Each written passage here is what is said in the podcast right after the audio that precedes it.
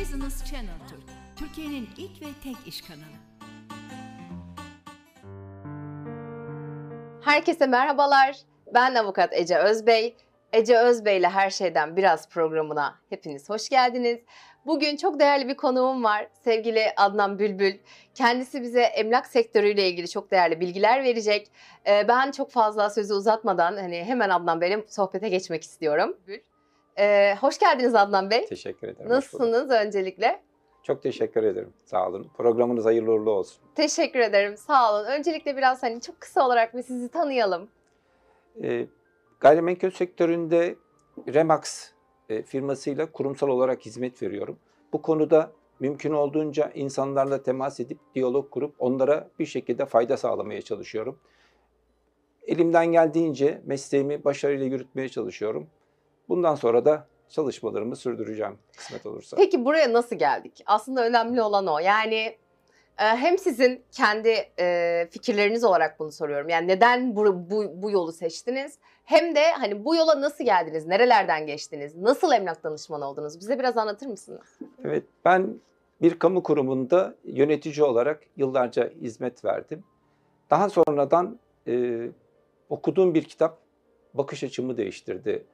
Zengin Baba, Yoksul Baba kitabının elime geçmesi ve bundan e, okuduktan sonra etkilendiğim konular benim emlak sektörüne farklı bir bakış açısıyla e, yönelmemi sağladı.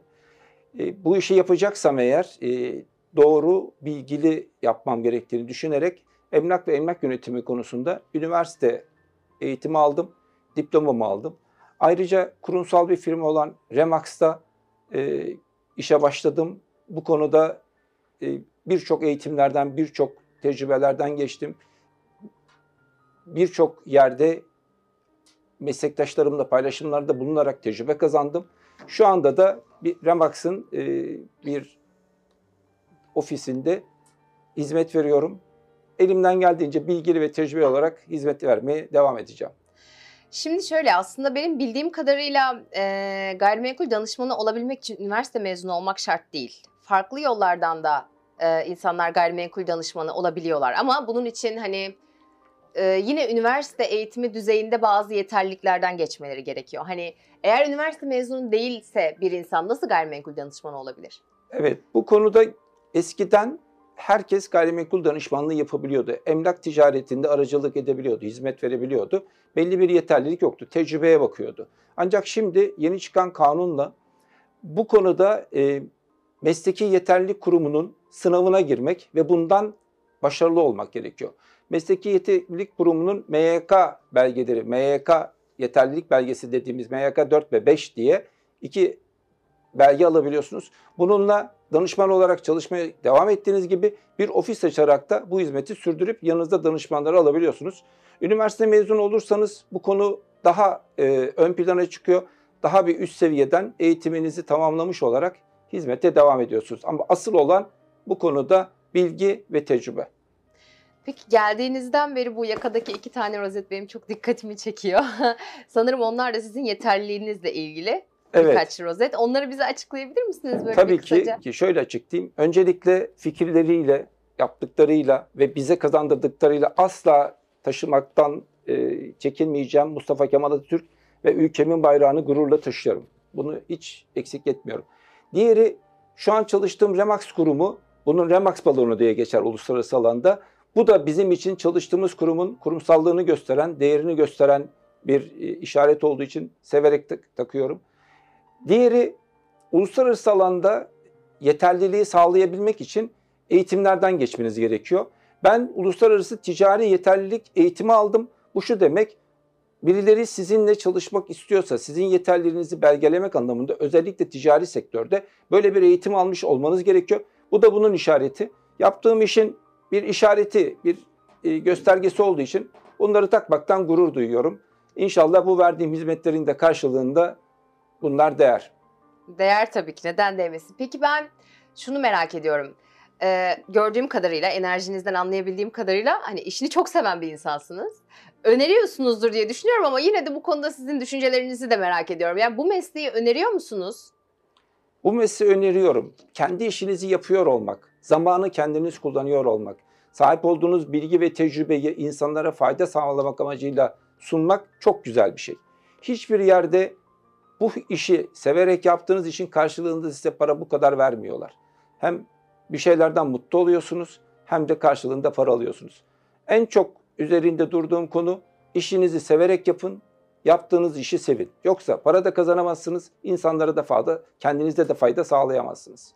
Peki bu e, aynı zamanda ben bir avukat olduğum için hani hukuki konulara geçmeden önce size böyle bir son bir soru sormak istiyorum. Gayrimenkul alırken nelere dikkat edelim? İnsan hayatında yaşam boyunca iki veya üç kez gayrimenkul değişikliği söz konusu. 10 yılda bir. Bu gayrimenkul aldıktan sonra tekrar satması veya yeni bir gayrimenkul alması bu istatistiklerle tespit edilmiş. Süreler kısalabilir ve uzalabilir. Ancak gayrimenkul kolay bir yatırım değil. Özellikle son dönemde fiyatların aşırı yükselmesi ve e, kazanılan paranın kolay bir para olmaması sebebiyle lütfen gayrimenkulünüzün bütün özelliklerini araştırınız. Kanuna uygun mudur? Yapı sağlam mıdır? Size sunulan, söylenen şeyler doğru mudur? E, ve lütfen bir gayrimenkul danışmanıyla çalışınız. Gayrimenkul danışmanından hizmet almazsanız emeğinizi, zamanınızı ve her şeyden önemlisi paranızı kaybedersiniz. Bunların bir bütünü de sağlığınızı kaybedersiniz. Hem gayrimenkul kazanın hem bir gayrimenkul danışmanından hizmet aldığınız için bütün bunlar size kalsın. Siz ailenizde vakit ayırın, biz size hizmet edelim. Peki şöyle sor, sorayım o zaman size. Ee, ben bir avukat olarak bir gayrimenkul almak istediğim zaman karşıma bir sözleşme getirildiğinde nelere bakmam gerektiğini biliyorum. Yani bütün meslektaşlarım gibi. Peki bunu bilmeyen hani hukukla ilgisi olmayan vatandaşlarımız ne yapsınlar? Nelere dikkat etsinler? Yani ne, bir avukata ihtiyaç duymadan diyeyim aslında nasıl yapsınlar? Burada en önemli konu tek yetkili çalışmak. Lütfen gayrimenkul danışmanı sadece sizin adınıza çalışan danışman olsun. Gayrimenkulünüzü bir tek ona emanet edin. Bunu bir araçta giderken şoförün tek olması gibi. Siz direksiyonu ona bırakıyorsunuz. Sizin komutlarınız da sizi istediğiniz yere götürüyor. İstediğiniz şekilde siz onu aynı zamanda kumanda ediyorsunuz. Ama araç kumandası şoförde olmalı. Siz şoföre kumanda etmelisiniz. Gayrimenkul danışmanı da bu şekildedir. Sizi istediğiniz yere götürsün, istediğiniz noktaya kadar varsın. Hizmetinden de siz şüphe duymayın. Belgeler üzerinde mutlaka kontrollerini yaptıkları zaman gene sizden bir hukuk firmasından, bir avukattan danışmanlık alabilirler ama biz kurumsal firma olarak bu konuda sözleşmelerimizi zaten avukatlar aracılığıyla hazırlıyoruz ve sözleşmelerden kaynaklanan bir sorun çıkmaması için biz bunları defalarca kontrol ediyor. Hizmet sunarken de müşterimize her bir sözleşme maddesini tek tek açıklayarak, izah ederek onlardan doğabilecek haklarını, bizim sorumluluklarımızı veya daha sonradan karşılaşacakları hukuki durumları anlatıyoruz. Atılan imzanın karşılığında ortaya çıkabilecek sorumlulukları biz paylaşıyoruz. Onlar da bu imzayı benimseyerek ve bu sözleşmeden ikna olarak atıyorlar. Peki şöyle söyleyeyim size. Mesela müvekkilim bana geldi. Dedi ki Ece Hanım böyle böyle ben bir emlak alıyorum, gayrimenkul alıyorum. Adnan Bey'le çalışıyorum. Adnan Bey bana böyle bir sözleşme verdi. Hani bu sözleşmeyi çünkü hani kendisine e, güvenemeyebilir o konuda. Hani bir şey gözden kaçırırım gibisinden. Bu sözleşmeyi bir incele. E ben de inceledim. Tabii ben bu sefer müvekkilimin tarafıyım. Siz karşı tarafımsınız. Evet. Ben tabii müvekkilimin menfaatlerini koruyacak şekilde bunu inceliyorum. Ee, gözüme de bir şey takıldı. Zaten şöyle kanuna aykırı herhangi bir hüküm konulduğu zaman bu geçersiz olur. Ondan bahsetmiyorum. Her şey de kanuna uygun. Ama hani müvekkilimin menfaatini e, riske sokacağına inandığım bir şey var sözleşmede. Dedim ki müvekkilime Adnan Bey'e git bunu düzelsin. Öyle bir durumda Adnan Bey ne yapacak? Biz bize gel, geldikleri zaman tekrar sözleşmeyle hangi hususlarda ne tür aykırılıklar veya e, tutarsızlıklar olduğunu inceliyoruz. Bizim de gözümüzden kaçan bir husus varsa zaten sözleşmemizi komple düzeltebiliriz. Bazen mülklerden kaynaklanan, mülklerin durumundan kaynaklanan sözleşmelere uyuşmazlık oluyor. Nedir bu? Siz sözleşmenize göre en az 3 ay hizmet vermek, 3 ay yetki almakla yükümlüsünüz. Ama mülkün özelliğinden dolayı mal sahipleri, mülk sahipleri bunu daha kısa tutmak istiyor olabilirler. Ya da orada farklı kişilerle paylaşım yaparak bu satışı hızlandıracaklarını düşünüyorlar. Biz buradan neden tek yetkili çalışmaları gerektiğini, neden mülkün özellikleri konusunda, bilgi, kişisel bilgiler konusunda tek kişinin yetkili olması gerektiğini, bunların sakıncalarını anlatıyoruz. Daha sonradan size geldiklerinde tekrar hukuki olarak bu konuları bahsettiğimizde bu sefer sizden hukuki dayanaklar konusunda destek aldıklarında biz işimizi yapmış oluyoruz. Sözleşmelerden çekinmesinler. Sadece kurumsal çalışan sözleşmelerinin bu şekilde bir kontrolden geçtiğini düşündükleri yerlerden hizmet alsınlar. Yani şundan bahsediyorum aslında. Ee, siz standart bir sözleşme e, koyuyorsunuz Evet. insanların önüne. Hani herkese aynı koşullar uymayabilir. Hani sözleşmelerinizde e, ne tarz değişiklikler yapıyorsunuz? Yani mesela ödeme koşullarında vesaire ya da komisyonda hani hangi taraftan alınacak, ne yapacak? Ya bu kanunen %4 bir komisyon almanız gerekiyor. Bu %4 komisyonu hani taraflardan biri ben ödemek istemiyorum dediği zaman ne yapacaksınız? Ne yapalım? Biz sözleşme oluştururken hizmet bedelimizi kanuna dayanarak alıyoruz. Fazlasını istemiyoruz. Zaten kanuna aykırı. Şu anki koşullarda bu yüzde dört. Şöyle hem alıcı hem satıcının toplamından yüzde dörtten fazla alamazsınız diyor devlet. Biz de alıcı için yüzde iki, satıcı için yüzde iki olarak sözleşmemizde bunu belirtiyoruz. Bu şundan kaynaklanıyor. Verilen hizmet, satıcıya verilen hizmet ve alıcıya verilen hizmet olarak iki ayrı aşamadan gerçekleşiyor. Eğer ben bir mülkün satışı sorumluluğunu aldıysam satıcı adına hizmet veren bir satış danışmanıyım. Ve benim ondan %2 hizmet bedelimi almak sözleşme gereği ve kanunen hakkım. Ancak bir de alıcı geldi bu mülkü almak istiyor ve alıcıya da ben bu hizmeti veriyorum. Mülkü tanıtıyorum, mülkle ilgili bütün faaliyetleri yürütüyorum. Alıcı benden aldı bu hizmete, alacağı mülk için benden aldığı hizmete karşılık bana hizmet bedeli ödülüyor. Sonuçta burada alınan hizmet bedellerinin bir eksik tarafı yok. Birçok yerde gayrimenkul hizmeti veren kişiler burada kişilerin sahip oldukları duruma göre farklı taleplerde bulunabilirler. Lütfen buna dikkat etsinler. Fazla hizmet bedeli vermesinler, eksik hizmet bedeli almasınlar. Eksik hizmet yapmadığımız için eksik hizmet bedeli de kabul etmiyoruz. Ee, şimdi insanlar her zaman sizin kadar hani işini bilen, bu kadar kendini geliştirmiş bir e, emlak danışmanıyla karşılaşmayabilirler. Teşekkür ederim. Ee, veya hani sürekli sözleşmelerini inceletebileceği bir avukatı olmayabilir. Hani bu konuda bir emlak danışmanını nasıl seçmeliyiz? Ne yapmalıyız? Ne yapsınlar? Mülk kolay yenilmiyor. Söylediğim gibi bu kazanılan para, bu yapılan yatırım kolay sonuçlanmıyor. Gidebilecek kayıpları çok fazla. Seçerken basitçe yani bineceğiniz aracı bile seçerken dikkat ediyorsunuz.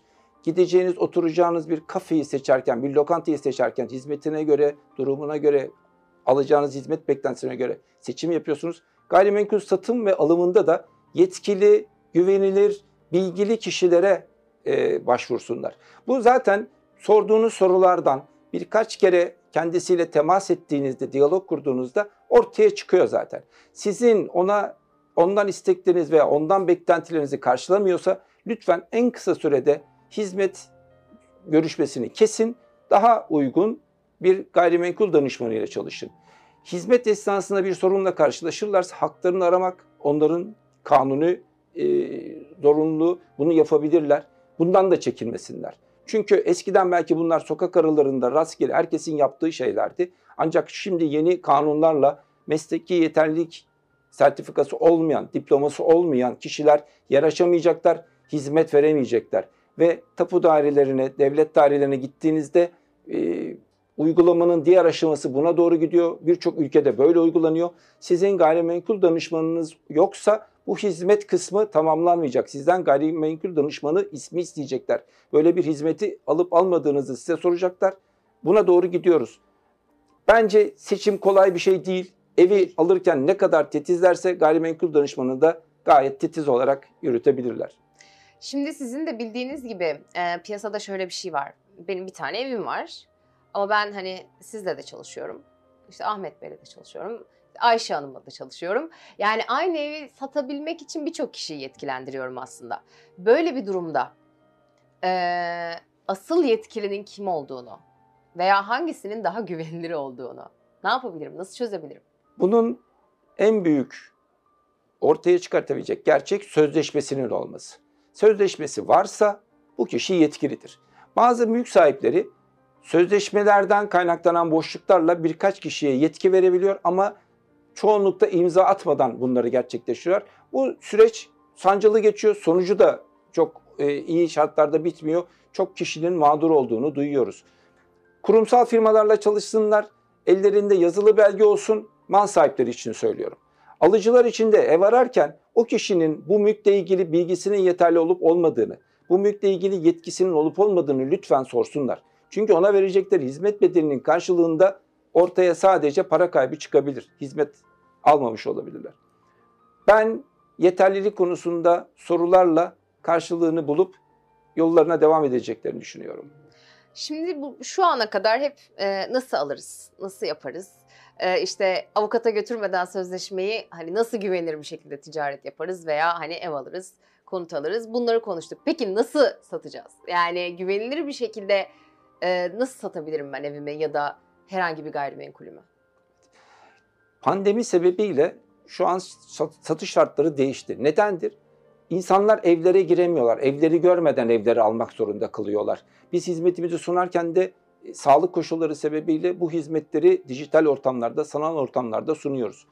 Ancak bir evi satmanın en zor tarafı o evi beğendirmek. Evin söylenen şartlarda o e, haiz olup olmadığını ortaya çıkartmak. Bunun için de bir yetkili danışmana siz bu yetkiyi verirseniz gayrimenkul danışmanı evin bütün özelliklerini öğrenir ve eve sokmadan bu hizmeti, bu bilgileri aktarır. Kişiler buna rağmen evi almak istiyorlarsa evin sunumu gerçekleştirilebilir. Bir kişi kendi başına satmak istiyorsa eve giren çıkan kişilerin kimler olduğu ve kaç kişinin gireceği hiç belli olmaz. Gece yarısı telefonunuz çalabilir. Evinize giren çıkan kişiler sizin hakkınızda özel bilgiler edindikten sonra, mülkünüz hakkında özel bilgiler edindikten sonra bunları kötü amaçlarla kullanabilirler. Sizin adınıza yetkili olan kişi sizi aynı zamanda koruyan kişidir. Sizin mülkünüzün değeri konusunda, mülkünüzün özellikleri, sizin kişisel bilgilerinizi asla paylaşmaz. Bu güvendir. Öteki türlü birçok kişide sunulan gayrimenkul biz bunlara Argo'da orta malı diyoruz. Bu malın değeri zaten sorgulanır. Bu malla ilgili bilgi kirliliği ortaya çıkar. Alan kişi de bundan memnun olmaz. Satıcı mülküne ait olmayan bilgilerin ortada dolaşmasından rahatsız olur. Benim mülkümün böyle bir sorunu yok. Bunu kim ortaya çıkarttı der ama bulamazsınız kaynağını.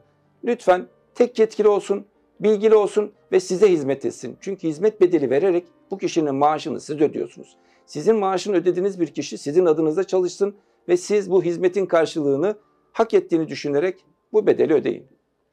Şimdi şu ana kadar hep e, izleyicilerimiz bilgilensin diye hani hukuken de aslında hani kendimin de bildiği şeyler sordum size ama şimdi gerçekten hani hiç bilmediğim, anlamadığım bir konuda size bir soru sormak istiyorum. Şu anda şu anki piyasaya göre emlak sektörü ne durumda? Yani bir yükseliş mi var, düşüş olur mu? Ya ben bir emlak aldığım zaman, gayrimenkul aldığım zaman hani zarara girer miyim? Böyle bir imkan var mı? Biraz da böyle bir piyasadan bahsetseniz bize. Herkes kendi mülkünü, kendi gayrimenkulünü yüksek bedelle satmak, en ucuz bedelle de almak ister. Bu bir Tabii. ticaret kanunu. Ancak pandemiden kaynaklanan şu an piyasada bir daralma, bir e, durağan bir durum var. Ama maliyetlerin artması sebebiyle inşaatlarda, fiyatlarda bir yükselme beklentisi var ve bunun bir suni oluşumu oldu. Piyasada sunum ne kadar fazlaysa fiyat ona göre düşer. Sunum az olduğunda talep arttığı için fiyat yükseliyor. Bu da evlere talebi arttırıyor. Faizlerin şu an yüksek olması sebebiyle faiz yoluyla insanlar ev alırken maliyetlerin yüksek olduğunu düşünüp fazla girmiyorlar. Biraz talepler düştü. Ancak konuta hiçbir zaman talep düşmüyor. Biraz durağan, durağan olabilir ancak tekrar harekete geçebilir. Gayrimenkule yapılan yatırımda şu anki koşullarda ben zamanıdır derim. Çünkü bir daha inşaat maliyetleri bu fiyatlarda kalmayacak. Bir, eskiden inşaat, herkes inşaat yapıyordu. Birçok inşaatçı ortadan kayboldu, piyasada tutunamadılar. Kaliteli hizmet veren, doğru iş yapan ve sunduğu bu evlerden sonra geri dönüş olarak başka müşteriler kazanan inşaat firmaları ayakta kalacak ve onların sundukları yerler talep görecek. İstanbul'da bir deprem gerçeği, ülkemizde bir deprem gerçeği var. Bu nedenle e, depreme dayanıklı olmayan, uygun olmayan evlerin kesinlikle e, terk edilmesi, daha uygun evlere geçilmesi gerekiyor. Bu şu an İstanbul'da bir talep arzının devamlı olmasını sağlıyor.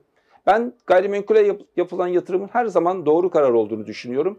Bunun bir piyasada doğru danışmandan hizmet alıp Alınan bu fiyat doğru mudur? Bu gayrimenkulün özellikleri bu fiyata değer mi? Bu hizmet aldıklarında pişman olmayacaklarını düşünüyorum.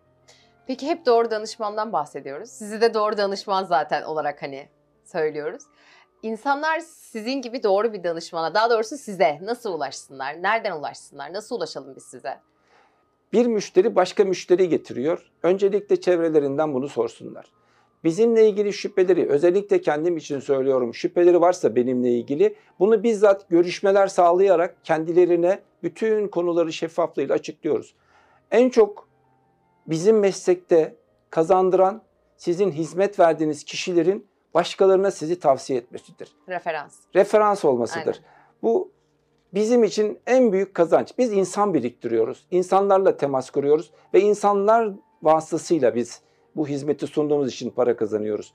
Para başka mesleklerde de kazanılabilir ama insanları kazanmışsanız o insanlar size paradan fazlasını kazandırıyorlar. Gerçekten çok teşekkür ederim geldiğiniz için. Çok keyifli bir sohbet oldu benim için. Ben de teşekkür Ee, ederim. çok bilgilendiğimizi de düşünüyorum.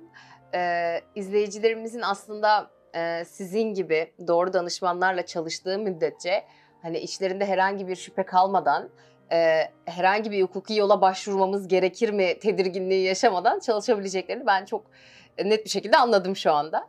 Geldiğiniz için tekrar çok teşekkür ediyorum size.